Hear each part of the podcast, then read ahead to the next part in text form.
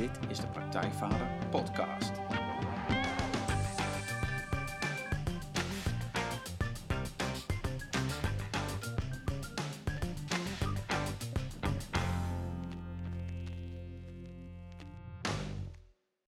Welkom bij een nieuwe aflevering van de Praktijkvader Podcast. Jeroen hier en goed dat je luistert. Zoals elke aflevering interview ik een inspirerende gast die jou verder gaat helpen bij de volgende stap in je vaderschap. Ik vraag schrijvers, coaches, wetenschappers, kunstenaars naar hun vak, hun ervaringen, hun tips en trucs over hoe jij met meer ontspanning en plezier de vader kunt zijn die je je kinderen en jezelf gunt. En vandaag is schrijver, trainer, docent en therapeut Jurgen Peters de gast. Welkom Jurgen. Goedemorgen Jeroen. Jurgen um, schreef vorig jaar het boek met de opvallende titel Kinderen zijn geen puppies. En vanaf zijn eerste baan als docent op een basisschool is Jurgen gefascineerd door kinderen aan te zetten tot gewenst gedrag zonder ze te manipuleren.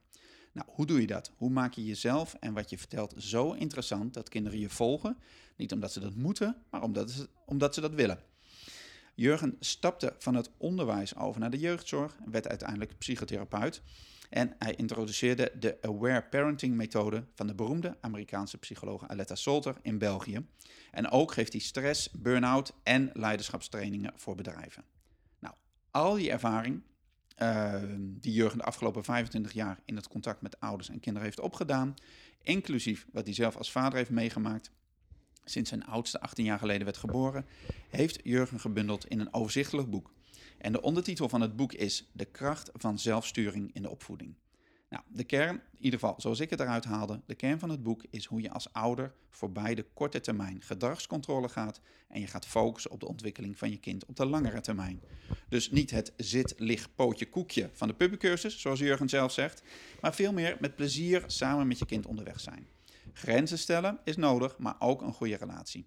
En dat doe je niet alleen voor je kinderen of voor jezelf, want Jurgen legt ook de link van de opvoeding naar het creëren van de samenleving van morgen. En die vraagt volgens hem om andere normen en waarden dan waar wij zelf mee zijn grootgebracht. Nou, in dit gesprek gaan we het natuurlijk hebben over het grootbrengen van je kinderen en alles wat erbij komt kijken. Het gaat over klassieke thema's, over hoe ga je voorbij het straffen en belonen, wat is grenzen stellen, wat is jouw rol als ouder en nog veel meer. En um, ik vermoed dat we aan één uur gewoon niet genoeg hebben, dus laten we snel beginnen. Ja, ja Jurgen, um, goed dat we hier zitten. Fijn dat ik hier kon komen. Um, uh, misschien om even een, een setting um, te schetsen gelijk. Uh, je bent volgens mij de eerste internationale gast in de, in de podcast. Ah, podcast. Wow. ja, we zitten hier in, in België. Ja. en uh, wat ik mooi vond, eigenlijk toen, toen we net nog in het voorgesprek zaten, toen zei jij, ja, dat vaderschap, dat is eigenlijk een, een, een recente uitvinding. Ja. En uh, nou, dat vond ik een mooie opening om gelijk mee te beginnen. Wat, want wat bedoel je daarmee? Ja, in de geschiedenis zijn vaders altijd met andere dingen bezig geweest. Hè? Dus het uh, werkelijk gaan opvoeden en uh, luiers verversen en uh, activiteiten met kinderen doen, dat is eigenlijk iets van de laatste decennia. Dus het is ook niet zo gek dat dat voor heel veel vaders en ook moeders trouwens zoeken is. Het is iets dat, uh, dat de mens 50.000 jaar ongeveer, grofweg, heeft gedaan op een bepaalde manier. Dat, het is niet omdat we de laatste decennia daar andere vormen in aan het zoeken zijn, dat dat allemaal zo vanzelf gaat. dus dat, uh, dat, dat, vraagt wat. Ja. Hey, en hoe was dat voor jouzelf? Want jouw oudste is 18, begreep ik? Ja, dat klopt. Um, hoe was dat voor jou toen jij uh, ja, hoe stond jij er toen in eigenlijk, toen jij vader werd? Van... Uh, ik was ontzettend blij dat ik vader werd. Dat, dat weet ik nog. Dat weet ik nog. Ik was ontzettend blij dat ik vader werd.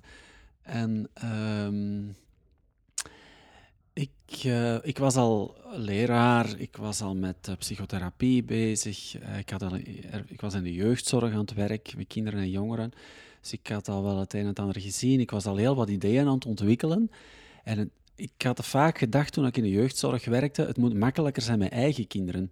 Want dan kan je bij wijze van spreken vanaf de conceptie de dingen doen waarvan je zelf voelt, dit is beter voor kinderen. Terwijl in de jeugdzorg kom je natuurlijk vaak in aanraking met kinderen die traumatische geschiedenissen hebben, eh, pro- problematische hechtingen en, enzovoort. Hè. Want wat, met wat voor kinderen werkte je toen? Kun je daar voorbeelden van geven? Eh, kinderen, jongeren geplaatst door de jeugdrechtbank. Vaak omwille van problematische opvoedingssituaties. Kinderen met gedragsproblemen, emotionele problemen, eh, posttraumatische stressklachten en, en Ja. dat soort dingen allemaal. Dus die waren residentieel geplaatst omdat zij thuis niet konden opgevoed Ja. worden. Hè. Vaak wel in, in, was er contact met thuis en was, waren er afspraken en, en bezoeken enzovoort. Ehm, ja. Maar als dan mijn eigen dochter geboren is, ja, of, of zelfs in, tijdens de zwangerschap al, dan eh, was ik, eh, zoals met veel dingen in mijn leven, heel gretig om dingen te, te leren. Hoe zat, zit dat in elkaar? Ik, ik had Ja. dat eh, op mijn 18 met mijn eerste auto. Ik wou weten hoe het in elkaar zat, dus ik kocht handleidingen over die auto. Ik ging eraan sleutelen. ja. En dan werd ik vader en dan dacht ik, hoe werkt dit allemaal? En zwangerschap, ik wist er eigenlijk niet zo heel veel van. Eh, dus ik ben daar boeken gaan overlezen, we hebben workshops gevolgd, eh, ons wat voorbereid ook op die, die bevalling. Thuis bevallen, Ja. wat to- toen in onze omgeving iets was van, wat gaan jullie nu doen? Hoe gevaarlijk is dit? Thuis Ja. bevallen? Ja. Hè, we gaan terug naar de middeleeuwen of zo. Eh, dus we hebben dat wel wat die moeten trotseren. En, en hoe, wat, wat, eh, die voorbereiding, dat is wel mooi, omdat eh, heel veel mannen, ook de mannen die in de training krijgen, die, die, die, die zijn er wel mee bezig, maar het echte vaderschap begint vaak voor veel mannen pas als ze een kindje in hun arm hebben of zo. Ja, ik weet het, maar eigenlijk Ja. begint het al bij de conceptie. Hè? Ja. Dat, dat is ook zo. Ehm, nu, mannen komen plots op het toneel van de geboorte. En ook, ook weer dat, hè. historisch gezien is dat een super recent verschijnsel. Bevallen is een vrouwenzaak geweest. Vroedvrouwen, Ja. zaten, hè, de vrouwenkring, mannen moesten weg, hè, want die hebben daar niks mee te maken. Ja, die stond dan een sigaretten ook op de gang of zo uiteindelijk. hè? Precies. Ja. En sinds de jaren 50 en 60, ja. relaties zijn ook versmalt in de zin dat eh, koppels heel veel uit elkaar moeten willen halen. Hè. Ehm, relaties zijn ook meer op emoties gebaseerd. Hoe, hoe voel ik mij bij de ander is heel belangrijk. Dat is misschien ook een van de verklaringen waarom er zoveel scheidingen zijn. Dat, eh, hoe dat wij ons voelen in een relatie is heel belangrijk. Dat contact, dus de steun vinden bij elkaar enzovoort. Dus dan plots gaan mannen dan ook bij die bevalling zijn. En, maar ja, die hebben geen idee wat ze daar staan te doen. Hè? Dus ik dacht, ja, ik wil daar niet, niet zo staan van ik weet niet wat ik moet doen. Dus ik ga me voorbereiden. Ja. En later bij mijn andere twee kinderen zijn we ook tijdens de zwangerschap haptonomie gaan doen, bijvoorbeeld. Ja. En dat heeft ontzettend geholpen, bijvoorbeeld eh, bij het opvangen van de weeën. De laatste twee bevallingen, of zeker de laatste, die hebben wij met ons tweetjes gedaan. Ja. Dus de vroedvrouwen, er waren twee vroedvrouwen Ja. aanwezig, maar als alles goed gaat, blijven wij op afstand kijken. En we zijn er als er iets nodig is. Dus dat is eigenlijk heel mooi. Ja. Maar dat, dat gaat niet vanzelf. Daar, daar is wel wat werk in gestoken, omdat dat we dat gewoon graag wilden. En ik wou dat ook graag. Ik wou daar niet zo wat hulpeloos staan kijken. Ja. Dat, dat past niet bij mij. Nee. Nee, en dat is mooi. En hoe wa- waren mm, mannen in jouw omgeving, vrienden of familie of zo, hoe keken die daar tegenaan? Hoe, wat vonden die daarvan? Of, Ehm, de, de, de- twee, er waren twee groepen, zal ik maar zeggen. Ik had een aantal mannelijke vrienden die dat allemaal heel oké en prima vonden. En dat, dat was fijn, daar had ik ook steun aan. Ik kon Ja. ook over praten en zo, dat was heel fijn. Ehm, wat familie betreft was er zeker in aanvang een soort sceptisch van wat gaan jullie allemaal doen. Ook zo, de- wij waren de eerste in de familie met een kind in een draagdoek. Oké, Eh, ja. Borstvoeding was ook niet zo evident voor heel veel mensen in onze omgeving. Ja. Ehm, maar gaandeweg, ja, iedereen doet het op zijn manier en, en konden die verschillen ook naast elkaar bestaan. Ik weet wel, toen ik pasvader werd, eh 18 jaar geleden, dat ik daar, hoe zal ik het zeggen, vanuit alle kennis en wat ik had gelezen en, en zo, was ik daar iets militanter in dan vandaag. Hm. In de zin van, dit is het juiste, zo moet het. Ja. En nu, 18 jaar later, durf ik wel... Ja, natuurlijk ben ik nog steeds gepassioneerd en overtuigd. En ik weet waarom dat ik dingen doe zoals ik ze doe. Hè. Dat is niet zomaar. Ik kan dat ook vrij goed uitleggen. Hè. Ja. Daarom geef ik ook, ook lezingen en workshops en zo. Ja. En tegelijk kan ik daar ook bij zeggen, dit is niet de, waarheid. Hè. Dit is mijn manier van kijken. En, en ik, ik hoop en ik wens dat dat voor veel mensen ook iets, iets kan betekenen. Maar er zijn meerdere mogelijkheden en iedereen doet wat hij kan of wil. Ja. Hè, dat, eh, Ja, ja. mooi. Ehm, het is, nou, je zegt net waarheid en dat, dat, dat schrijf je ook in je boek. Ehm, hè, van de is, we leven nu in een tijd dat we allemaal snappen of ervaren dat er niet meer één waarheid is. Alle grote verhalen, hè, die, Ja. maar ook in de opvoeding dus. Het- Dat is natuurlijk heel de wereld en de samenleving aan de hand, maar ook in de opvoeding. Ehm, en wat ik mooi vond, ehm, eh, is wat je in de inleiding van je boek schrijft, van, eh, dat je er lang over getwijfeld had of je een boek zou moeten schrijven. Ja, Eh, want er zijn er al zoveel en er komen er ieder jaar eh, tientallen uit, zeg maar. ja. En, ehm, en dan noem je het ook nog, eh, kinderen zijn geen puppies. Ehm, het is ook wel echt een opvoedboek. Ehm, en je bent het toch gaan schrijven, ook al heb je daar lang over getwijfeld. En wat was de reden waarom je dacht, ja, ik ga het toch doen? Ja, omdat in het Nederlandstalig gebied er weinig boeken zijn die gaan over het grote plaatje van de opvoeding. De meeste opvoedingsboeken gaan over hoe krijg ik gedrag onder controle. Hmm. Hoe doe ik ze eten, slapen, stoppen met huilen, huiswerk maken, eh, van de drugs afblijven. Ja. Eh, hoe stel ik grenzen? Hoe moet ik ze straffen? Hoe moet ik, enzovoort. Hè. Dus ik noem dat nogal eens eh opvoedingskookboeken. Ja. Dat is, ja, die is mooi. mens- mensen willen graag ook recepten. Ik merk dat ook als ik lezingen geef. Hè. Mensen komen vaak naar een lezing, bijvoorbeeld over weerbaarheid of over opvoeden zonder straffen en belonen. En hoe moet ik het doen? Hoe moet ik het doen? Hè? En ik besteed vrij veel aandacht aan waarom. Waarom doe je wat je doet? Want als je de waarom niet kan vatten, dan loop je vast in de methode. Of dan ga je gewoon iets doen omdat iemand dat zegt. En soms merk ik dat als ik lezingen geef. Dan zeggen mensen van, ah, dus van jou mag ik niet meer dit. Of van jou moet ik nu dat. Ik zeg, ik heb helemaal niet gezegd wat iemand moet doen. Ik ken jou niet, ik ken jouw kind niet, ik weet niks van jou. Dus ik kan alleen maar delen van een verhaal en, en wat, wat zou voor jou werken. Dus dat, dat is eigenlijk een rode draad in mijn werk. Van hoe help ik mensen dichter komen bij wat voor hen beter zou werken. Ja. Hè? Hè? Wat, wat- ik zo mooi vind aan jouw werk, hoe kan je de beste vader zijn die je jezelf wil gunnen of zoiets. Ja, hè? ja. Zo, zoiets hè? Ja. Dus op een gegeven moment heb ik toch besloten om dat boek te schrijven. Ehm, omdat er in mijn ogen in het Nederlandstalig gebied weinig boeken gaan over dat volledige plaatje. En die ook, eh, ik zou maar zeggen, de opvoeding binnenbrengen in de 21ste eeuw. In de zin van, eh, hoe geven wij een antwoord op de vragen van deze tijd? Ja. De maatschappij is op zeer, zeer, zeer korte tijd zodanig veranderd. Wij moeten opvoeden in een context die voor ons ook nieuw is. Dus dus Ja. wij, wij moeten, in, ik zal maar zeggen, in de middeleeuwen, als, als je vader smid was, die wist alles wat zijn zoon moest kennen. En als die zoon 14 was, had hij ongeveer alles wat zijn vader kende opgenomen. Ja. En die wist ook al wat hij aan zijn zoon zou doorgeven. Ja. Ja? Maar nu, onze ouders hebben geen idee van hoe, hoe- wat dat wij allemaal moeten doen. Nee. Er is zoveel veranderd. Nu, bazaal, als het gaat over liefde, hechting, veiligheid en zo, is er niks veranderd. Bazaal, hè? Ja. Wat, wat- wij als mens nodig hebben, hè? Is, is warme relaties, Ja. echt contact en, enzovoort. Dat is waar we echt gelukkig van worden. Maar de context waarbinnen dat, dat gebeurt, is zo veranderd met nieuwe media, smartphones en, en noem, noem maar op. Hè. Eh, de snelheid wa- waarmee dat alles gaat, eh, eh, ja, de druk die wij allemaal ervaren, de... Ja, Nou, en jij zegt het, hè, van die, die basale behoeftes die zijn gebleven.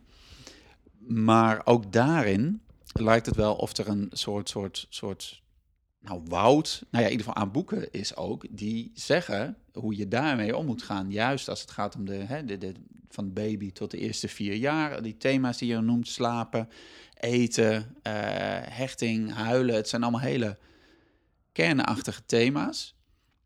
En misschien bestond daar 40 jaar geleden ook niet één rode draad in. Maar ik heb het idee dat het nu ook daar iedereen ook zijn eigen weg aan het zoeken is. Ja, er is eigenlijk nog nooit. Er is, er is nog nooit zoveel informatie geweest over kinderen en opvoeding. Nog nooit. En dat brengt met zich mee dat we onzekerder zijn dan ooit. Het is veel makkelijker als er maar één methode is of één visie. Dan doet iedereen netjes wat men zegt dat je moet doen. En dan ben je onschuldig, want je hebt gewoon gedaan Ja. wat ze zeggen dat je moet Ja. doen. En wat iedereen doet. Precies. Ja. En nu mag iedereen zelf kiezen. Dat is een enorm- enorme last eigenlijk. Waardoor dan natuurlijk veel mensen houvast gaan zoeken.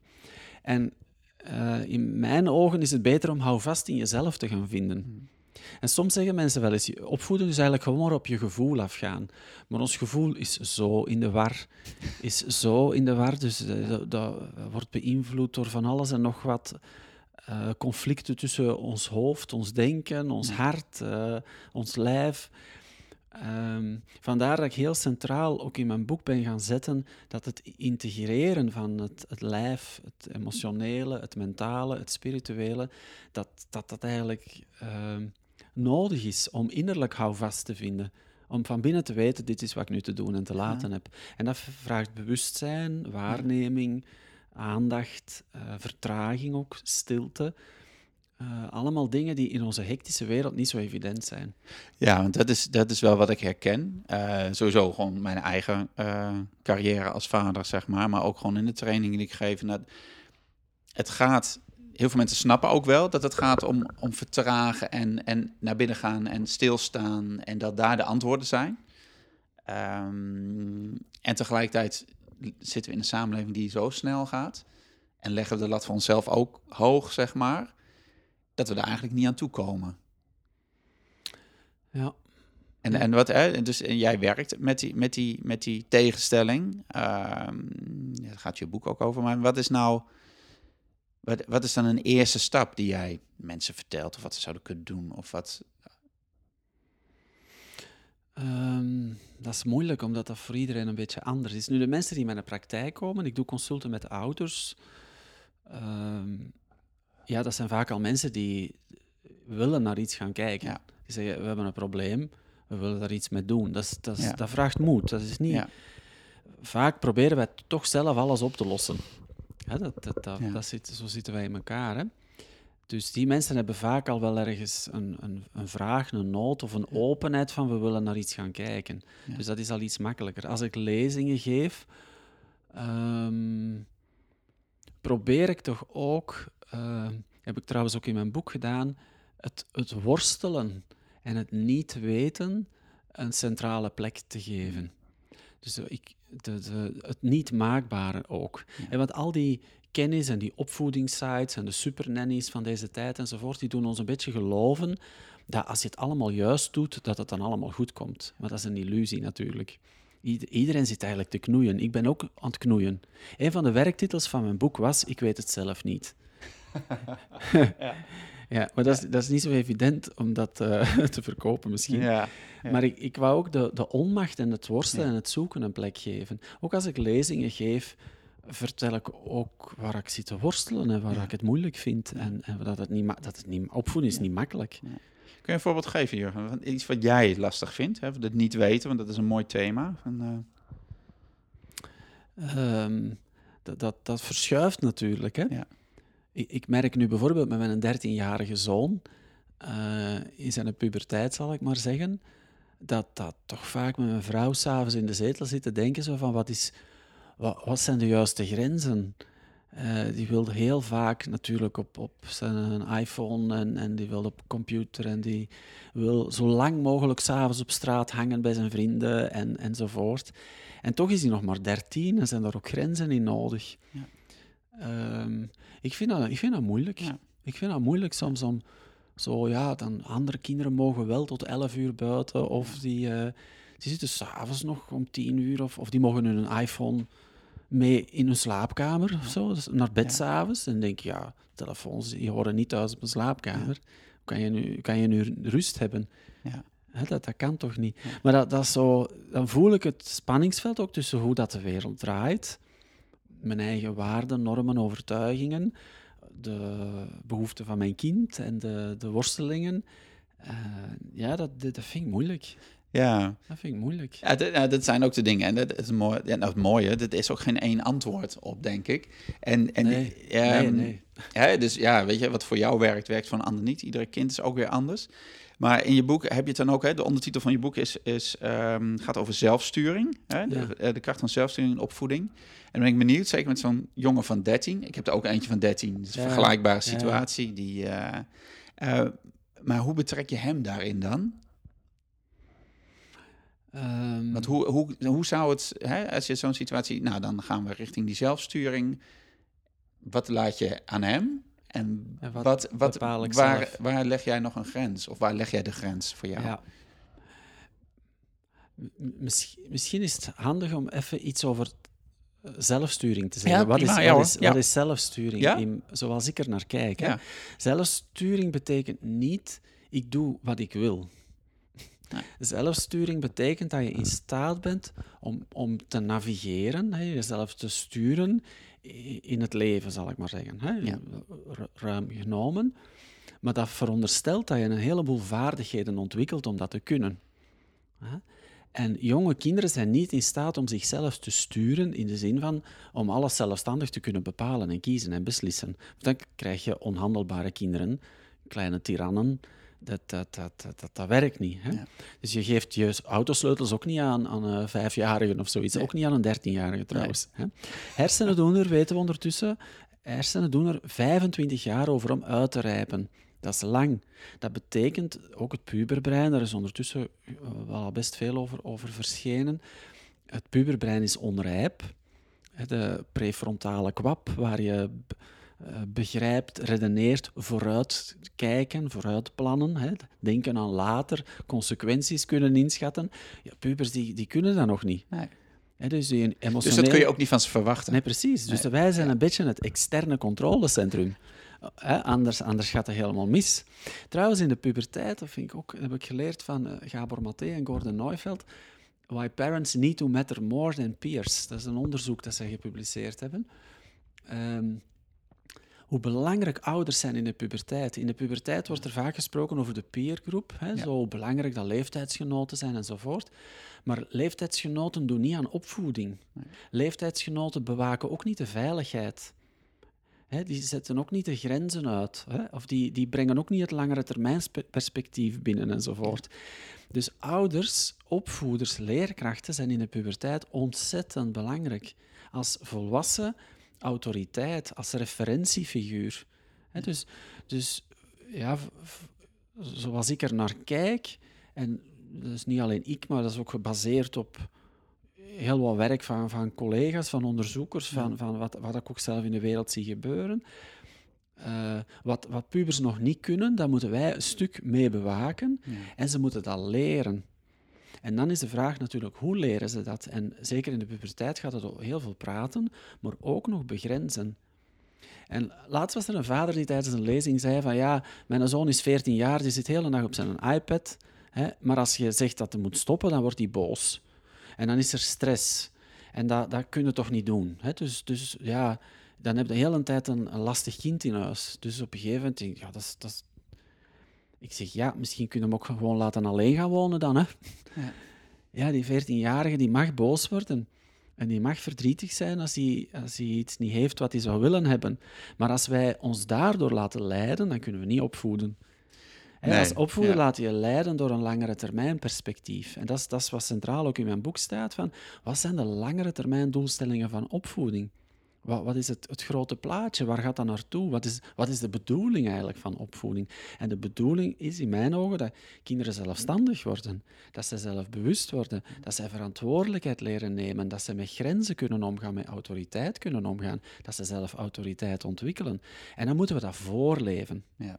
En wat ik dan puppytraining noem, eh, zit afvliegpootje koekje, hè, zo Ja, dat, ja, ja. eh, met, met straffen en belonen en dat, dat soort methodes. Ja, dat is gedragsmanipulatie. Maar dat ondermijnt, dat is ook, wordt ook steeds duidelijker hoe dat, dat de langere termijn doelstellingen van opvoeding ondermijnt. Ja, en dat, dat vind ik heel interessant, want dat straf en belonen is natuurlijk een heel interessant thema. En, en ik denk dat, dat veel van de luisteraars die, eh, die ook luisteren daar gewoon ook... Nou ja, iedereen worstelt daarmee of loopt daar tegenaan. Omdat het zo fijn is eh, dat het op korte termijn, schrijf je ook in je boek, hè, op korte termijn werkt het. Zeker bij jonge kinderen. Ja. Dus belonen en straf is heel duidelijk. Consequentie dit, als jij nu je jas aantrekt, dan, ehm, dan, eh, dan gaan we eh, weet ik wel, dan gaan we nog iets leuks doen. Of, dan, of als jij nu je tanden poetst, dan kan ik nog een verhaaltje voorlezen bij het slapen gaan. En nou ja, dat. Ehm, maar ik denk dat iedereen ook wel voelt, hè, veel ouders, van als je die inzet, hebt, je hebt het over manipuleren dan, zeg maar, ehm, de sfeer wordt er niet per se beter op. Of zo, hè? Van, je krijgt een kind, als je het lang doet, van, ehm, nou ja, wat zich misschien gaat, gaat vissen naar complimentjes, of dat heel gevoelig wordt voor die beloning, of daar zelf manipulatief, manipulatief gedrag in gaat vertonen. Ja. Ehm, wat, wat, wat is, ehm, hoe, hoe doe je dat? Hè? Terwijl, en het is ook het voorbeeld wat wij veel gekregen hebben van onze eigen ouders. Het is een soort reflex waar we soms in kunnen vervallen als ouders. Hoe buig je dat om? Of waarom, ja, waarom is het zo belangrijk om dat, ehm, om dat om te buigen? ja, dat zijn twee vragen. hè. Ja, Eh, ik zal toch maar misschien eerst over het waarom. ja, Ehm, ja, ik zeg wel eens, we zijn gemarineerd in, in dat systeem van straffen en belonen, door on- vanuit onze eigen opvoeding en zo, dat wij eh, zijn gaan geloven dat dat natuurlijk is om zo met kinderen om te gaan. En ook vaak, hoor ik ook vaak, dat kan niet anders. Je moet dat zo doen. Hè? Anders, anders gaan kinderen... Het, het, hetgeen ik nog eens vaak vertel is van mijn oudste dochter, die... eh, zij komt uit mijn vorige relatie, dus zij, zij was niet altijd bij ons. Ehm, en zij kwam in het weekend bij ons en ze zei zo, papa, waarom straf jij nooit? Ja? En ik zei, wanneer moet ik jou dan straffen? Mij niet, mijn broer. ik zeg, oké, eh, wanneer moet ik hem dan straffen? Ja, als hij iets doet dat niet mag. Ik zeg, ja, dan zeg ik gewoon dat dat niet mag. Eh, Ja, ik, ja, dat mag nu niet. Ja, maar als hij dat dan toch doet, ja, dan zeg ik nog eens dat hij dat niet mag. En als hij dat dan blijft doen, zeg ik, ja, dan moet ik dat nog eens herhalen. Of moet ik gaan kijken, wat is hier aan de hand? Waarom pakt hij mijn grens niet? Ben ik hier niet duidelijk? Zie ik iets over het hoofd? Vraag ik iets dat te moeilijk is voor hem? Of wat dan ook. Dan moet ik daar naar kijken. Wat, wat is hier aan de hand? Hè? Dat hij mijn, mijn grens niet pakt. Kinderen voelen trouwens ook heel goed aan of, of wij menen wat we zeggen. Dus als wij eh, werkelijk autoriteit hebben in de zin van voor een grens gaan staan, van we gaan nu opruimen, we gaan nu vertrekken, we gaan nu geen koek eten, we gaan nu wel een jas aandoen, hè, of, of eh, jij werkt je huiswerk af hè, voordat we tv gaan kijken. Hè. Dus je zegt, dit- trekt die grens. Als je dat kan doen vanuit autoriteit, dan hoef je daar niet bij te manipuleren. Maar wanneer gaan we manipuleren? Van als je dat niet doet, dan dat. Als we ons machteloos voelen, dan proberen we alsnog macht te krijgen. En dat is eigenlijk de reden waarom. Waarom is het niet zo aan te bevelen om kinderen te manipuleren? Omdat dat zoveel nadelige effecten heeft. Op korte termijn krijg je misschien het gedrag onder controle. Dat zou kunnen. Ja?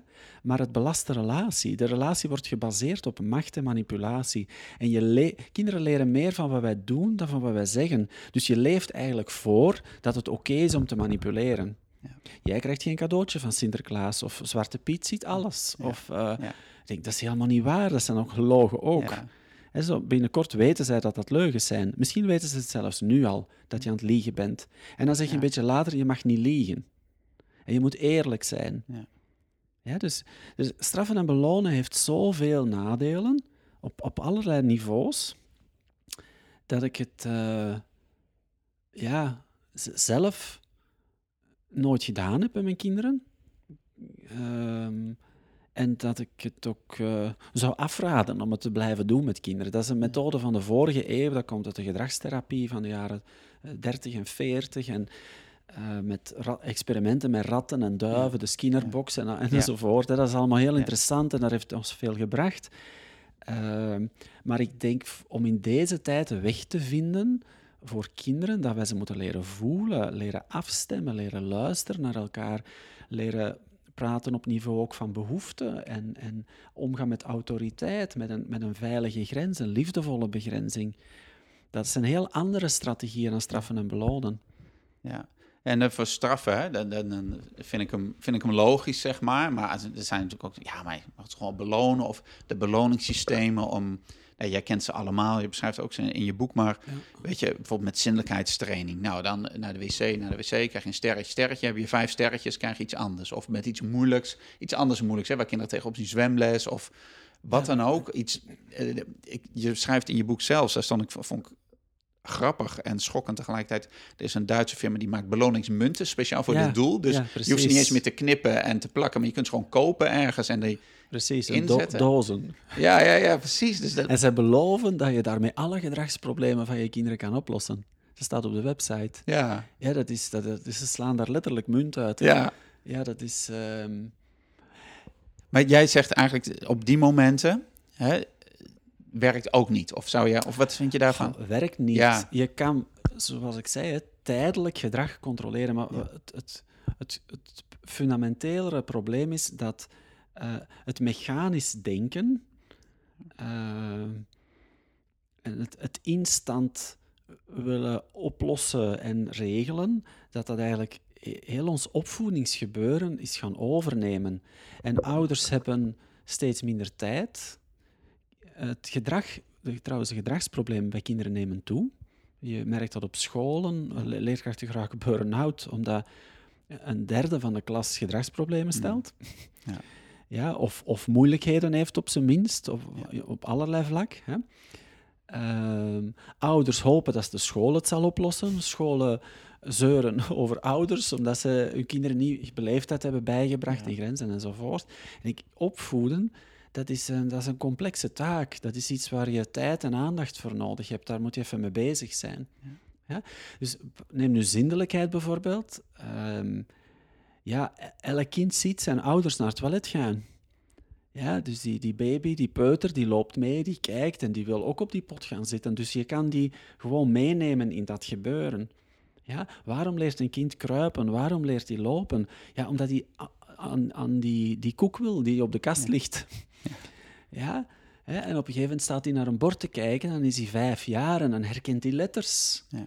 Ja, want als ik, als ik die letters kan lezen, dan kan ik iets begrijpen en dan raak ik verder. Kennis, kennis is macht. Ja. Dus de, de, het kind is een motor van zijn eigen ontwikkeling.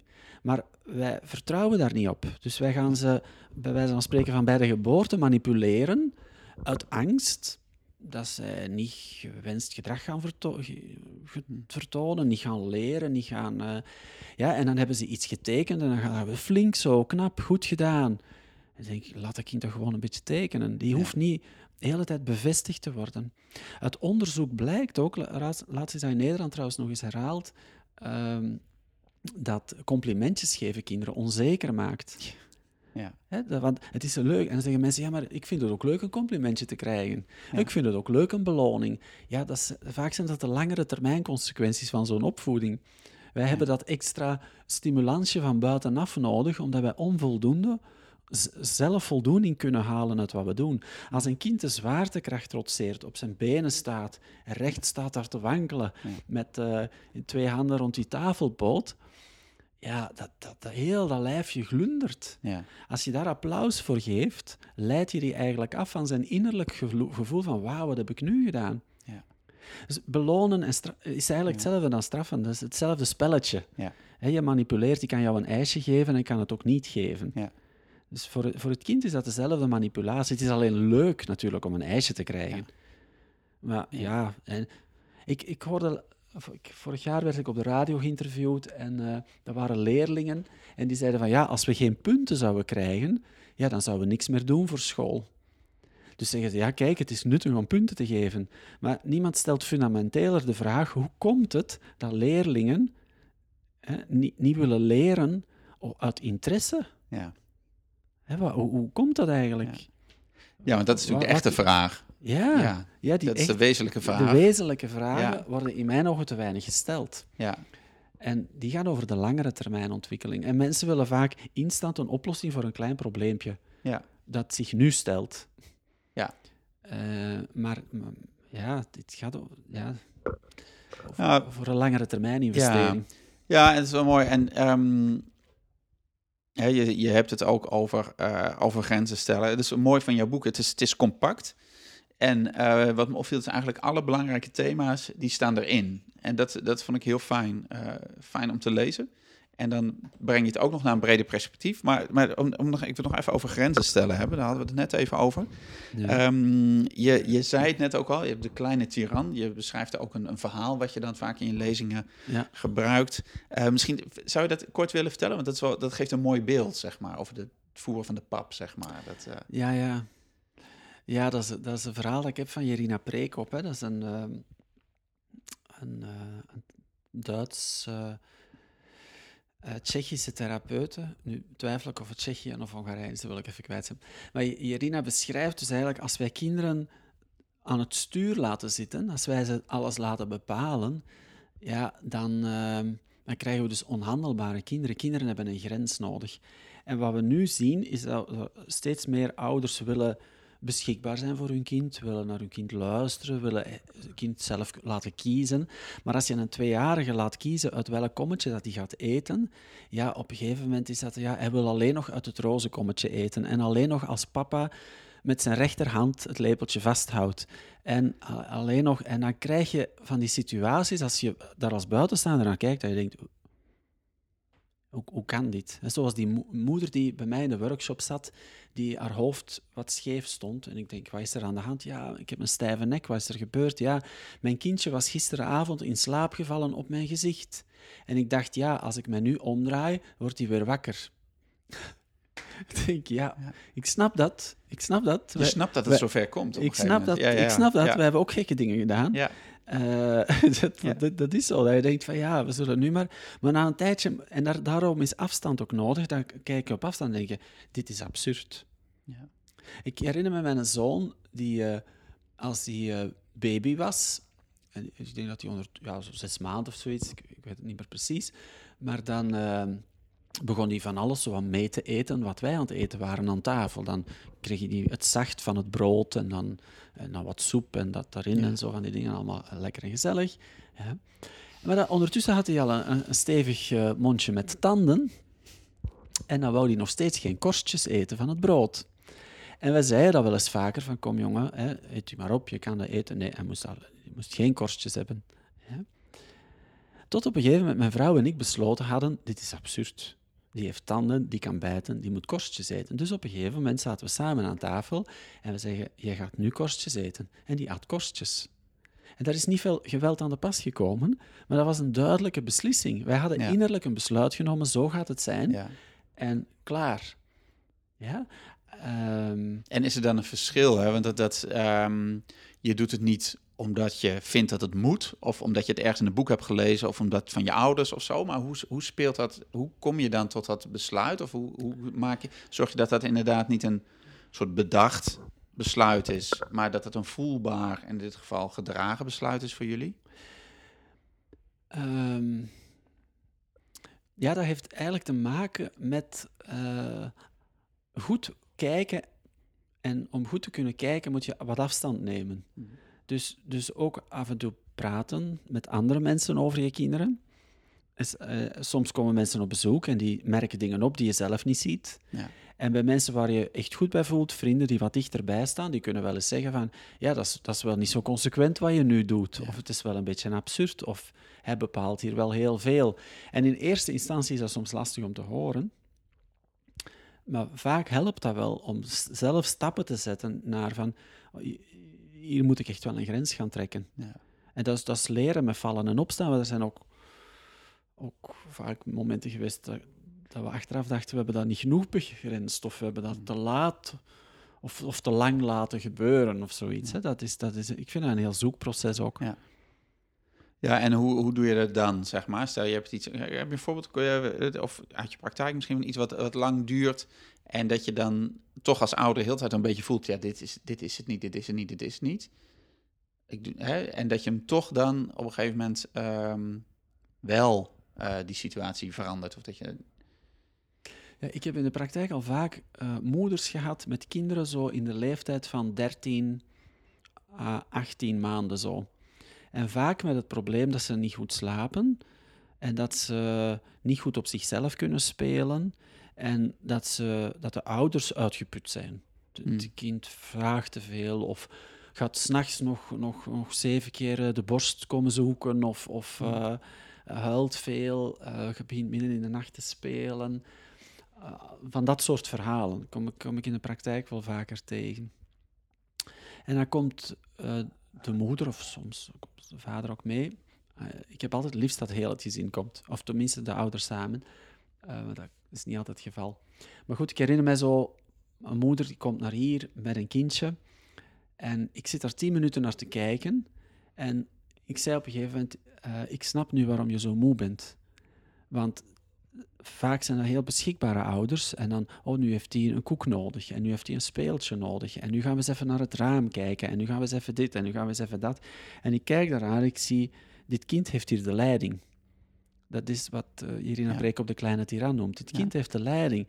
En dat is goed bedoeld. Dat is vanuit liefde. Dat is vanuit zorg. Dat is vanuit een bekommernis van ik wil mijn kind alles geven en ik wil hem niks tekort doen. En ik ben sensitief. Hè? Ik voel wat dat hij nodig heeft. Maar nog voordat hij e-, echt iets aangeeft, heeft hij al zijn speeltje of zijn koek of zijn... Uh... En uh, mijn advies is vaak uh, van of mijn suggestie is, is, een beter woord. Mijn suggestie is vaak van, uh, wat zou er gebeuren als je even niks meer oplost? Gewoon gaan zitten, kijken, ik ben er. Ja. ja. En wat er eigenlijk standaard gebeurt, is dat het kindje na een tijd lastig wordt. Ja?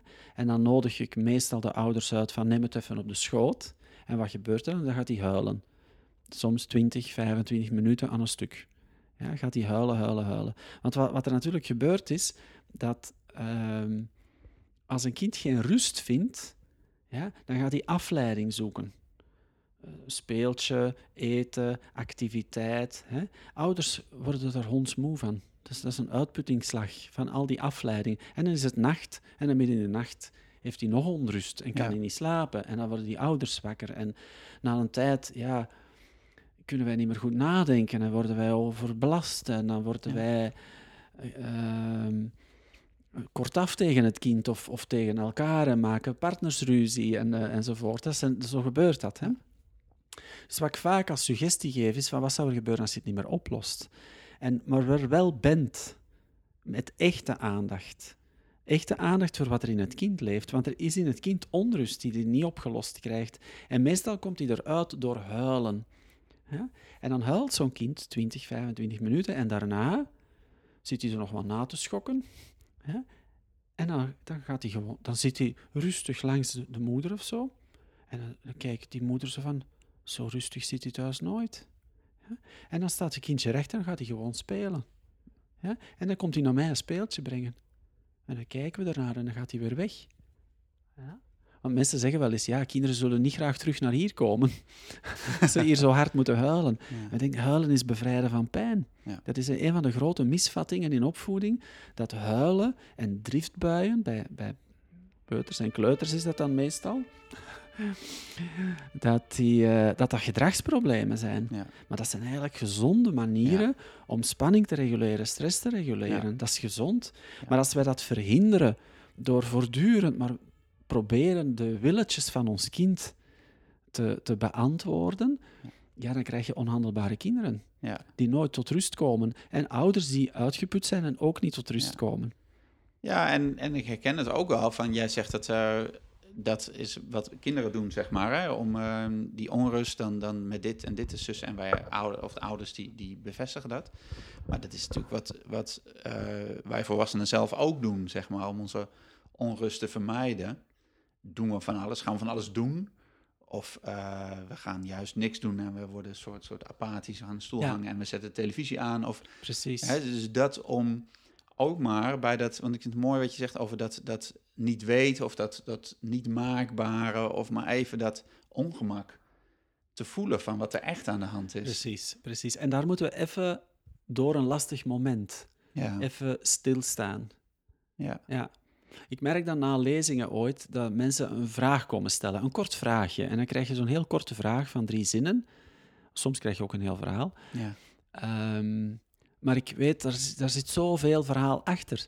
Dus meestal moet ik dan wel zeggen, ja, ik kan hier geen consult van anderhalf uur doen. Als ik consulten doe met ouders, neem ik anderhalf uur de tijd, waarvan, waarvan een heel groot stuk luisteren, kijken en voelen. Om, om, het, om het op mij te laten inwerken, dat ik een beetje kan invoelen wat speelt er hier, mogelijks. Ja, dat, dat kan ik niet zo op, op twee minuten, want dan vragen mensen vaak een instant oplossing. Ja, ja, en, Ja, en dan, ja, dan, dan ja. denk ik, ja, heb je al eens een stickerblad geprobeerd? Of zoiets. Hè? Ja. ja. dat, dat, als je geen tijd neemt, ja, dan wil je instant oplossingen. Ja. Hè? En ja, daar zijn boeken genoeg over. En, en, en ja, uiteindelijk komt dat vaak op hetzelfde neer, hè? Met, met stickertjes of een wekkertje of iets afpakken of iets Ja. teruggeven of iets... eh, Ja. ja. Dus het, het- die, die vertraging is belangrijk om te voelen. Vandaar ook die methode die ik zelf eh, ontwikkeld heb. Ik doe er soms een beetje lacherig over, want dit is, eh, het is ook het is heel eenvoudig, de AAK-methode. Afstand nemen, ademen en kijken. Oké, nou vertel maar. Dat is, eh, dat is mooi. Ja, het is, het is eh, eigenlijk heel simpel. Ja. Hè? Maar, maar als je, als je je geduld verliest, je geraakt in paniek, je wordt boos of je voelt woede of angst in jezelf als ouder, dan ben je eigenlijk innerlijk niet meer in staat om gepast op je kind te reageren. Ja. Dus eerst moet je zelf tot rust komen.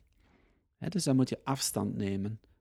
Als je afstand neemt, dat kan zijn door gewoon een meter achteruit te stappen, het kan ook zijn van ik ga heel even naar buiten.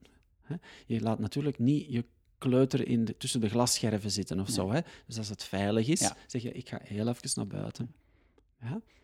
Afstand nemen, ademen, dus dan kan je terug ademen. Als je meer lucht krijgt, dan kan je meer ontspannen in je lijf, kan je brein ook beter werken, kan je helder denken, zie je meer mogelijkheden, kan je ook veel speelster met de situatie omgaan dan wanneer je in paniek bent of, of angstig of boos. Ja. En dan terug kijken. Dan kan je echt kijken. Dan ga je niet kijken met eenrichtingsogen, zo bliksemen en Ja. dwingen, maar dan kijken Ja. naar en dan zie je, dit is een kind. Hè, die, die heeft iets nodig, die is iets aan het leren. En ik ben hier de ouder en ik weet het ook niet. Hè, Dat is dan afstand nemen, ademen en kijken. Ja. Ik zeg wel eens tegen ouders, als je een kind een time-out wil geven, is dat meestal omdat je er zelf één nodig hebt. Dus neem gewoon een time-out. Ga zelf in de hoek staan. ja. Op het strafstoeltje. Ja. Ja, ga zelf op het strafstoeltje zitten. Ga zeggen, ik ga even zitten ergens, want ik kan er even niet meer tegen. Ja. Ja? En die komt terug als ik weer rustig ben geworden. Wat gebeurt er bij het kind? Kinderen leren meer van wat we doen dan van wat we zeggen. Het kind ziet, tja. Dus als je overstuur geraakt, kan je zeggen, ik ga nu iets doms doen. Dus ik kies ervoor om dat niet te doen. Ik stap uit de situatie, ik neem afstand, ik adem en ik kijk en ik kom weer terug. Ja. Ja? Als je dat vaak voordoet als ouder, dan leren kinderen, tja, zo kan je dat dus ook doen. Ja. In plaats van aan mijn zus haar haar te trekken, in plaats van dat bordstuk te gooien of een gat in de deur te stampen, kan ik ook zeggen, ik voel. Ja. Ik hoor mijn zoon het nog zeggen, hè, een, een half jaar geleden of zo. hè, Ik wil op die haar gezicht slaan. Hè, zo, ik wil op die haar gezicht slaan. Zoveel woede had hij in zijn lijf en hij stond daar. hè. En eh, wij, wij zeggen dan eigenlijk niet zoveel. Wij zien, ja, ja, ik zie dat je boos bent. Ik zie dat je boos bent. Maar hij doet dat niet. Ja. En dat is zelfsturing. Ja. Dat is zelfsturing. Ik ben mij bewust van mijn, Ja. de spanning in mijn lijf, van de woede, en ik wil daarvan af. En een manier om daarvan af te geraken is slaan. Ja. Hè? Maar ik wil mijn zus niet pijn doen. Wauw, wat een bewustzijn. Ja. Hè, dus dat je voelt van, ik wil niet, ik wil niet, niet, niet iemand beschadigen. Of ik wil niks stuk maken. Maar ik wil daar wel vanaf. Ja. En ik, mooi. Ja, dat, dat, dat, is, dat is eigenlijk waar zelfsturing over gaat. Dat kinderen gaandeweg leren, bewust, vanuit hun bewustzijn te kiezen, wat is mijn antwoord? Ja. Ja, dat is eigenlijk leiderschap. Hè? Dus je neemt iets waar en wat is jouw antwoord op, op wat je waarneemt? En de keuze daarin hebben van, dit is nu mijn antwoord. Ja. Nou, en het mooie is van dat, dat, is, dat, je, ehm, dat, dat je dus geen vooraf geprogrammeerd antwoord hebt. Maar dat, zoals jij zegt met de AAK, dat die kijken, ja. dat je echt kijkt, wat is nu in dit moment voor mij, zeg maar, hè, de Ja. gepaste reactie. Het unieke antwoord Ja. komt eigenlijk op vanuit jouw be- bewust met je aandacht in die situatie zijn. Ja. En niet vanuit, op bladzijde 233 van het handboek Kinderen opvoeden staat, als een kind dat doet, dan moet jij die twee minuten in de hoek zetten. Ja. Of zoiets. Ja. Nou ja, en ik vind het mooi, van als je dat dus doet, dan, dan geeft het ook heel veel lucht. Omdat je eigenlijk, heb je altijd, het gepaste antwoord heb je. Ja, ja, Alleen, ja, ja. het vraagt hè, dat, dat afstand en, Ja. en, en ademen en aandacht. En dan het kijken van, oké. Ja, en dan. Ja, dat, ik, vind het, ik vind het prachtig hoe dat, hoe dat werkt. Eh, maar dat vraagt dus inderdaad ook dat je dus, dus durft die afstand neemt. Hè, dat je, dat, dat je dat, die stappen regelmatig toepast. Ehm, en dat ervaart dat het, dat het ook werkt. Ja. Ja. En dat niet weten, hè, dat is ook voor veel mannen. Ik merk het in mijn training ook veel. Het durven toegeven dat je het niet weet. Precies. Of eerst naar die plek toe gaan. ja, Ik, eh, een mooi voorbeeld, zo'n zo'n man in mijn training. ja, Het ging daar niet over kinderen, maar het ging over de, over de relatie met zijn partner. Die wilde van alles doen om het weer goed te maken. Want hè, dat ging niet helemaal lekker. Ik wil iets doen. Zeg maar wat ik moet doen. Eh, want mijn vrouw dit, mijn vrouw dat. Ja, ik wil iets doen. Ik wil iets doen. Ik wil iets doen. Hij wist, had geen idee wat hij moest doen. En dan zit je met een groep met twaalf mannen. En die willen dan misschien ook nog wel een tip geven. Maar dat was niet, was niet handig op dat moment. Dus die man moest eerst naar van... Ik weet het even niet. Ik wil eh, investeren in mijn relatie, maar ik weet niet hoe ik dat nu moet doen. ja, Nou, en dan wordt het stil. En dan die mannen, die, die andere mannen, die, die voelen dan ook dat er Ja, iets ja, eh, ja. uit het hoofd gewoon... Ja. En hij ook, hij werd er heel rustig van. Oké, ik mag het dus even niet weten. precies. Ik mag het dus even niet weten. En dat, nou, dat was al zo'n opluchting voor hem. Ja, En dat, eh, maar dat is blijkbaar dus heel moeilijk ja, voor ons om dat, ehm, ja, om dat toe te geven. ja. Ja. Eh, mannen gemiddeld nog iets meer dan vrouwen zitten vaak in een oplossingsgerichte Ja. modus. Hè? Ja. Analyse, een plan van aanpak Ja, en overgaan tot actie. Ja. Ehm, maar om te weten wat je te doen hebt, heb je afstemming nodig.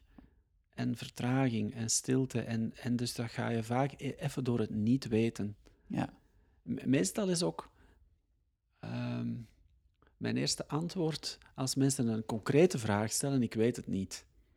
En vaak schrikken mensen dan.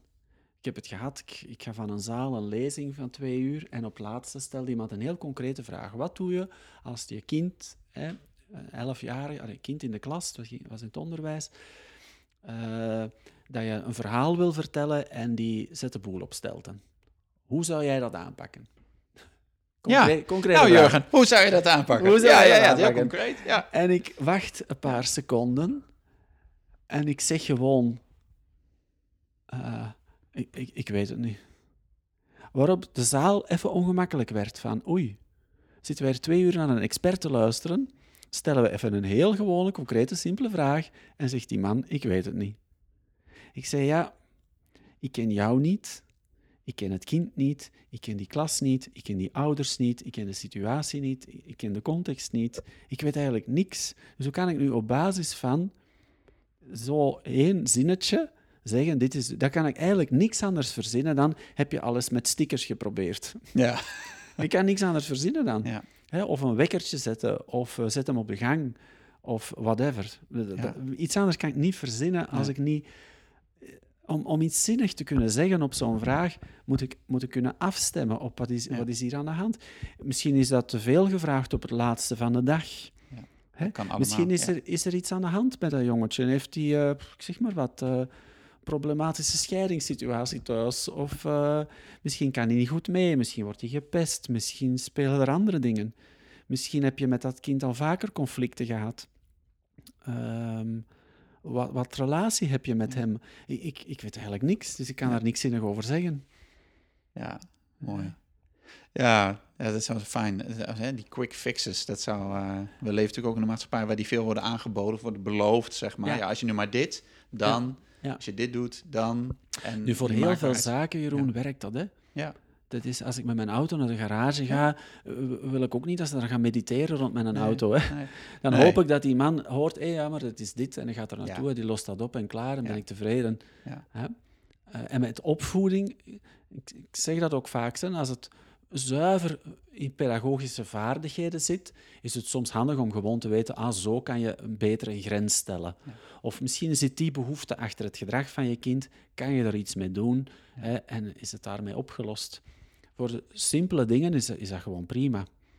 Hè? Als een kleuter de straat wil oversteken, is het goed dat je die tegenhoudt. Ja. En niet even laat lopen en zegt, ja, dat was hard, hè, die auto. Ja. Hè, dus dat, dat, dat, dat, dat is goed dat je... Ja. Soms moet je heel gedragsmatig ingrijpen, Ja. dat, is, dat is prima. Ja. Hè?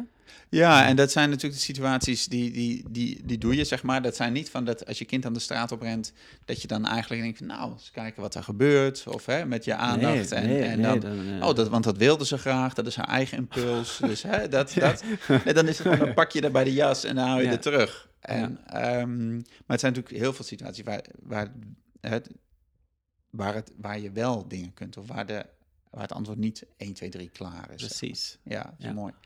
Hey, ik heb een paar korte vragen. Eh daar hoef je niet per se een kort antwoord op te geven, maar Hm. ehm, eh, je, nou, je hebt boek geschreven, je geeft veel training en consulten, doe je al 25 jaar. Je spreekt heel veel mensen. Dat is ongetwijfeld ook inspirerend voor die anderen. Je helpt anderen. Maar heb jij zelf een favoriete manier om geïnspireerd te raken of jezelf te voeden, zeg maar, of om zelf weer ehm, ja, Goh, vol energie eh, dit werk te kunnen doen ook? ja. Eh, ik zeg wel eens, ik heb het voorrecht gehad om ontzettend veel boeiende leraren te ontmoeten. Ik, ik, eh, er zijn op mijn pad al veel mensen gekomen die, sommigen maar een paar dagen, sommigen een paar jaren, dat, dat ik veel van geleerd heb. Trainers, therapeuten, coaches, schrijvers. ehm, ja. ehm, ik, ik moet zeggen, mijn eigen kinderen. Ik, ik las dat ooit in een boek van John Kabat-Zinn van de Mindfulness.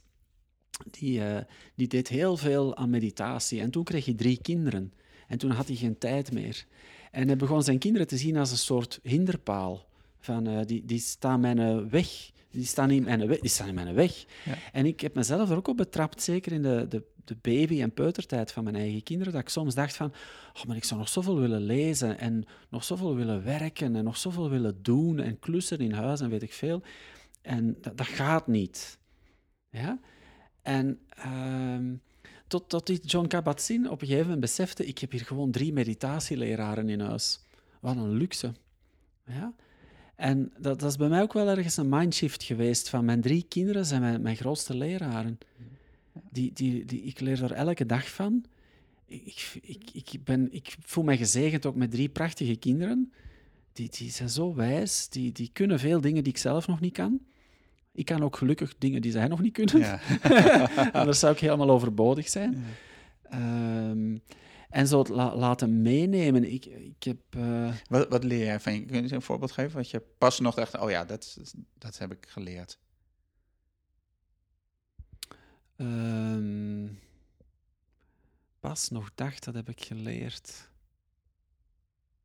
Of iets wat het eerste in je opkomt, hè? dat je zegt, oh ja, maar dat heb ik wel echt, dankzij mijn kinderen heb ik dat geleerd of kunnen toepassen. Of, Ja, ik zeg dat zo snel van, ik heb zoveel geleerd. Vaak zitten er dan zo van die kleine dingetjes, dat zij dingen zien die ik zelf niet gezien heb.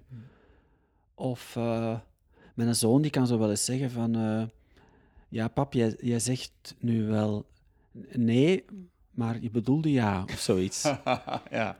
Hè? Ja. Of dat hij dan ziet dat, dat op dezelfde vraag mijn, mijn vrouw ook nee wou zeggen of Ja. zoiets. hè, Dat, dat ze daar iets van zeggen. En dan denk ik, ja, dat heb je goed waargenomen. ja.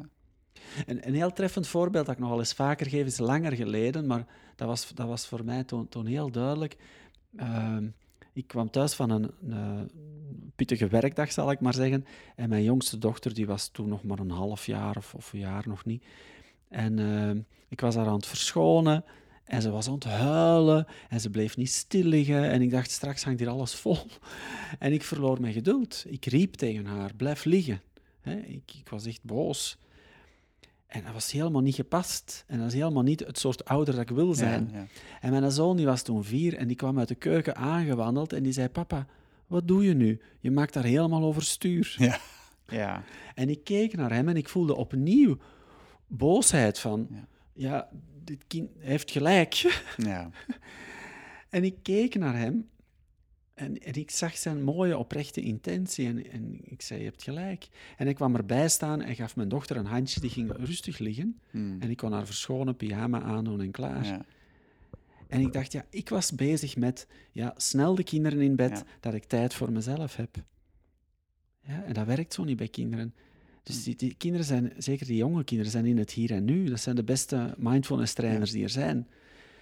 Ehm, ja, dus die, die, die, die helpen vaak ook om, om in het hier en nu te zijn. Ja, ja en dat is het mooie wat je zegt, is, ze zijn er altijd. Dus je hoeft niet naar een cursus of een training. Nee, die- kinderen die nee, zijn in het hier en nu. En ja, ja dat is mooi. En het is makkelijker om in een groep te gaan zitten met, met twaalf mensen op een meditatiekussentje dan thuis met je kind in de zandbak te gaan zitten, blijkbaar. ja, Ik- dat, Ja. eh, dat is moeilijker. ja.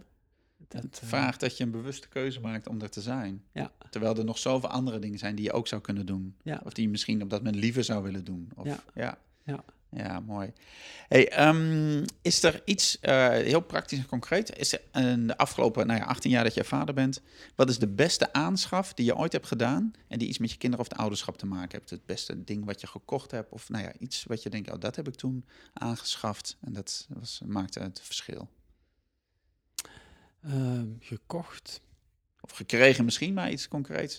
Ja, ik moet zeggen, de ontdekking van het aware parenting gedachtegoed van Alita Solter heeft voor mij wel de weg geopend. Ik heb een half jaar na de geboorte van mijn oudste dochter ben ik toevallig via iemand op het spoor van Alita Solter gekomen. Hmm. Ik heb haar boek gelezen, haar eerste boek. Ik heb dat eerst weggelegd, weet ik nog, na, na 20, 30 welk boek was bladzijden. dat? Eh, baby's weten wat ze willen. Oké, ja. Dat was haar eerste boek, die Ja. Aware Baby.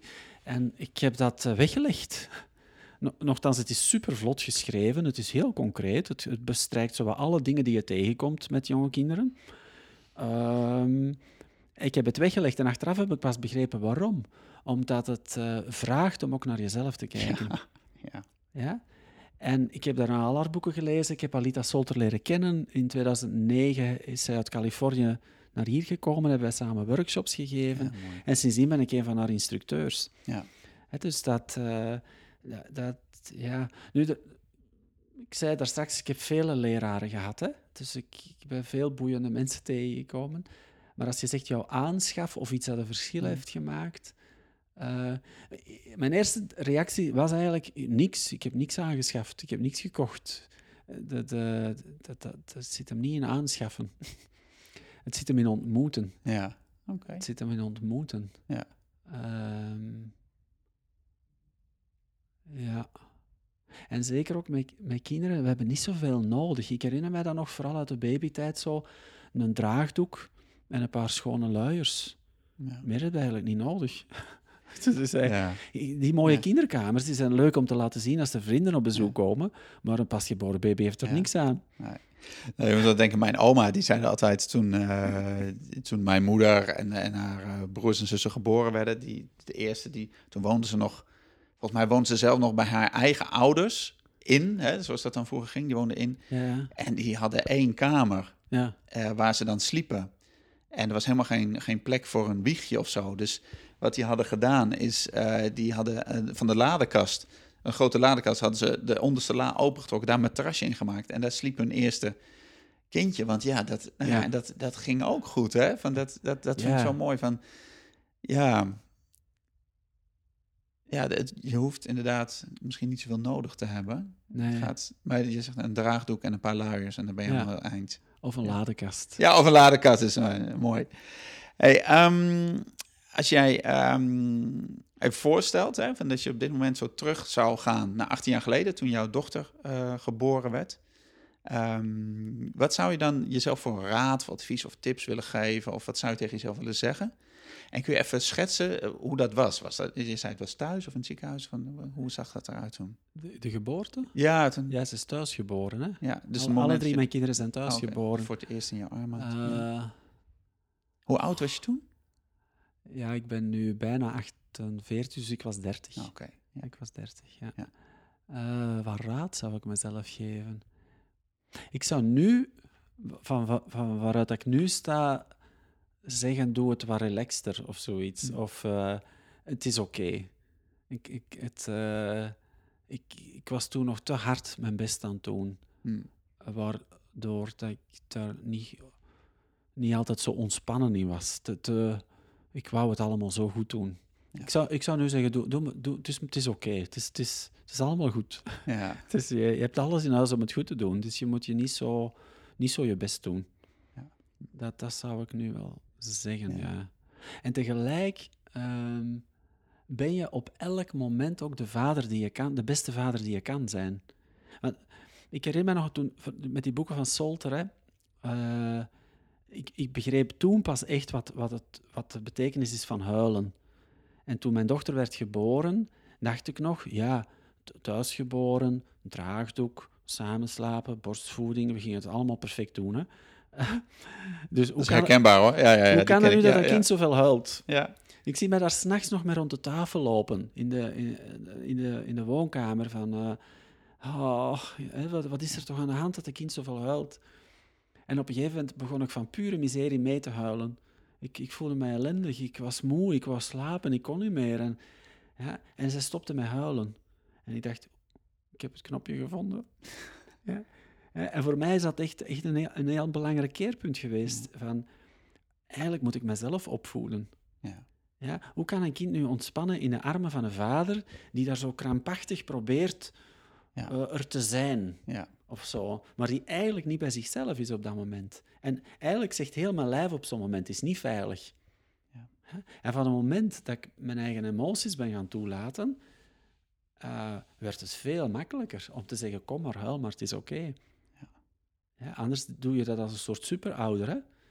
Ja. Dat, ehm, ja, en als ik daar nu, nu naar kijk, goh, ja, dat is, dat is een hele lange weg geweest. En nog, ik doe, doe regelmatig allerlei dingen wat, om mezelf...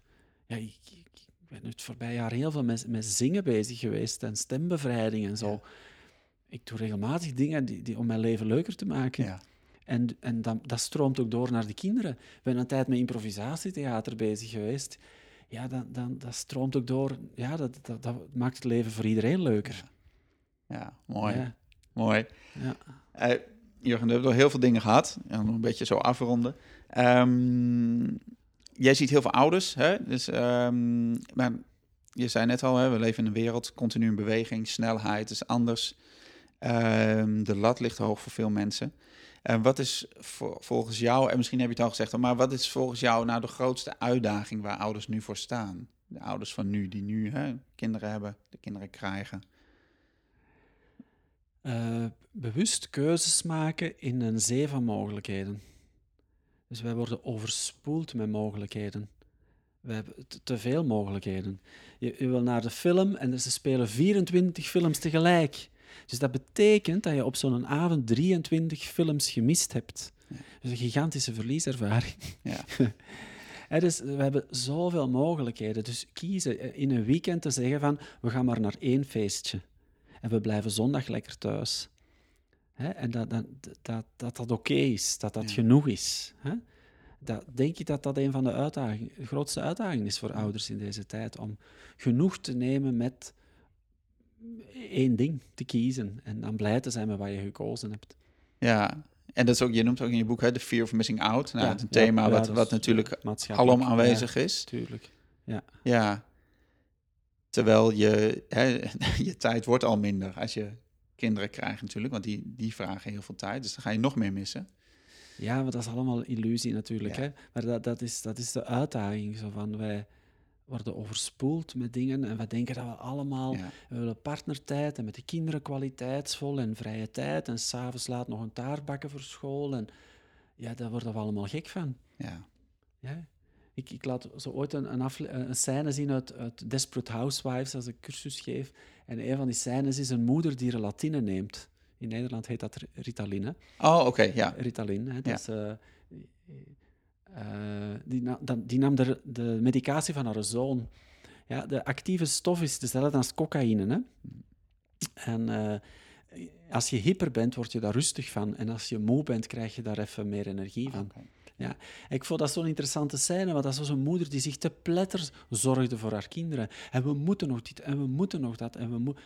En ik denk dan altijd, waarom moet dat allemaal? Dat, wie zegt dat dat allemaal moet? Ja. Ja, je kan toch ook zeggen, ja nee, we hebben al een feestje, ik kom niet ook nog eens daar nog naartoe. We willen overal alles meegepakt hebben. Ja. Nu ben ik jouw vraag kwijt. Nee, nou, daar ging het wel over. Dus en, en, en wat is dan, ehm, dit, dit vertel je ook in je lezing ongetwijfeld. En wat, hoe kom je daar? Hoe, hoe kun je dat loslaten of hoe doe je dat? Goh, dat is De lat lager leggen eigenlijk. zo'n beetje stapsgewijs gegaan. Hmm. Eh, leren luisteren naar je lichaam. Als, je, als ik moe ben, ga ik rusten. Ja. In plaats van iets te drinken of, of te slikken om te- meer energie te hebben, zo gezegd. Hè, dat is allemaal illusie natuurlijk. Hè. Je, je, je brandt wel vooruit, maar je brandt ook op. Ja. Hè, dat, is, dat zien we ook. Hè. Mensen vallen bij bosjes uit, dus er is eigenlijk reden genoeg om te zeggen, dit, dit kunnen wij niet. Ja. En wij zitten in een versnelling. Hè. In het agrarische tijdperk leefden wij op het ritme van het gewas Ja. Op de maat van de seizoenen. In, in het industriële tijdperk ging alles makkelijker met machines. Ik herinner me dat eh, toen de e-mail is uitgevonden, twintig jaar geleden of zo, alles gaat makkelijker worden. We sturen gewoon een mailtje. Dat is veel makkelijker. Nu krijg je gewoon een diarree aan mails elke dag. En Messenger, en Ja. Instagram, Ja. en WhatsApp, enzovoort. Ja, ik denk, zet al die dingen uit. Ja. Zet al die dingen gewoon uit en kies ervoor. Nu ga ik even mijn, naar mijn mail kijken. Ja. Op mijn telefoon komt geen werkmail, alleen privémail. En Ja. dat zijn maar een paar mensen die die hebben. Ja. Eh, al die meldingen op mijn computer staan allemaal uit. Als ik een- aan, aan een tekst werk, wil ik niet weten dat er ondertussen mails binnenkomen, want dan kan ik niet meer rustig aan mijn tekst werken. Ja. Dat, dat gaan we moeten leren. Ja. Dat, is, eh, ja, dat is allemaal zo nieuw. Hè? Ja. Dus wij, wij, de- wij ontdekken dat dat niet alleen maar een speeltuin is, al die nieuwe mogelijkheden. Dat we er ook burn-out van kunnen geraken. Of, of overbelast van geraken. Dat onze kinderen daarover belast van geraken. Dus wij, wij moeten dat gewoon leren in begrenzen. Ja. We moeten onszelf begrenzen, net als onze kinderen begrenzen, Precies. onszelf begrenzen. Precies. Ja. Ja. ja, die vader die zei al laatst, hè, van, ja, ja, ik doe het natuurlijk zelf ook, heel een tijd op mijn telefoon zitten en achter mijn computer. Ik zeg, ja, ja dan is het moeilijk natuurlijk. Dus ook, eh, je, je, ja, het vraagt, vraagt wat discipline en bewustwording. Ja. Daar draait eigenlijk alles rond. Ja. En dat is werkelijke vrijheid, want ik voel mij eigenlijk vrijer dan ooit. En tegelijk kan ik, kan ik me veel meer begrenzen ook. Mo- moet dat allemaal wel? Hoef ik daar naartoe? Ehm, ja, ik doe, doe- de dingen die ik leuk vind. Ja, mooi. Ik moet denken aan, aan wat eh Reinhard Eleveld vertelde eh, in een van de podcasts. Die haalt het voorbeeld van Nelson Mandela aan, die, die als het ware binnen zijn gevangenschap, op het moment dat hij Ja. al die jaren in Robben Eiland Ja. gevangen zat, dat hij ervoor koos, omdat het is natuurlijk een letterlijke beperking, maar zich daar niet door laten beperken in zijn ontwikkeling of de contacten met mensen. En Ja. dat hij zegt van, ja, ik zit nu gevangen, maar ik zorg ervoor dat, dat ik wel helemaal mijn essentie, mijn leven, mijn kwaliteit, alles kan inzetten. Tot het moment dat er gewoon altijd bij hem de deur open stond, bewakers bij hem binnenkwamen om, om gesprekken te voeren. En, Ja, en hij eigenlijk al bevrijd, toen hij uiteindelijk werd vrijgelaten, en toen was hij eigenlijk al vrij. precies. En dat, Precies. dat is... En die bewakers voelden zich minder vrij dan hij. Ja, Sommige bewakers hadden echt vroeging van, wat, wat zitten wij hier te doen? Ik zit Ja. gevangen in een systeem. Ik werk mee aan iets waar vriend met waar, wie Ja. dat ik ben en waar ik van binnen wil. En ik kan daar niet uit. En die Nelson Mandela, die voelde zich in dat opzicht, die had zich vrijer gemaakt. En dat Ja. is de choice within the limitation. Hè? ja, Er zijn altijd beperkingen. Hè, dat, eh, en en wel, wat is mijn keuze binnen deze beperking? Wat, wat kies ik? En dat is volgens mij werkelijke vrijheid. Ja. Niet, niet ik doe wat ik wil. Dat, dat krijg je zootje ongeregeld. Ja. Dan, dan eten wij onze aarde drie keer op. Ja. Hè, dat, dat, dat werkt niet gewoon. Hè, dat Nee. is, eh, maar ik ben afgestemd op wat, wat is hier gepast, wat is hier mogelijk. En dan kan je echt vrij zijn. mooi. Als, als, als laatste, Jurgen, is er nog iets wat jij wil zeggen, wat je niet hebt kunnen zeggen, wat je denkt, oh, dat wil ik nog wel noemen, of nog iets wat jij kwijt wil? Goh. Ik, ik vond het super fijn om met jou hier eh, dit gesprek te hebben, Jeroen. Ja, Ik vond het echt super fijn. ja. nee, ik heb gezegd wat ik wou Dus zeggen. nou, hoop ze.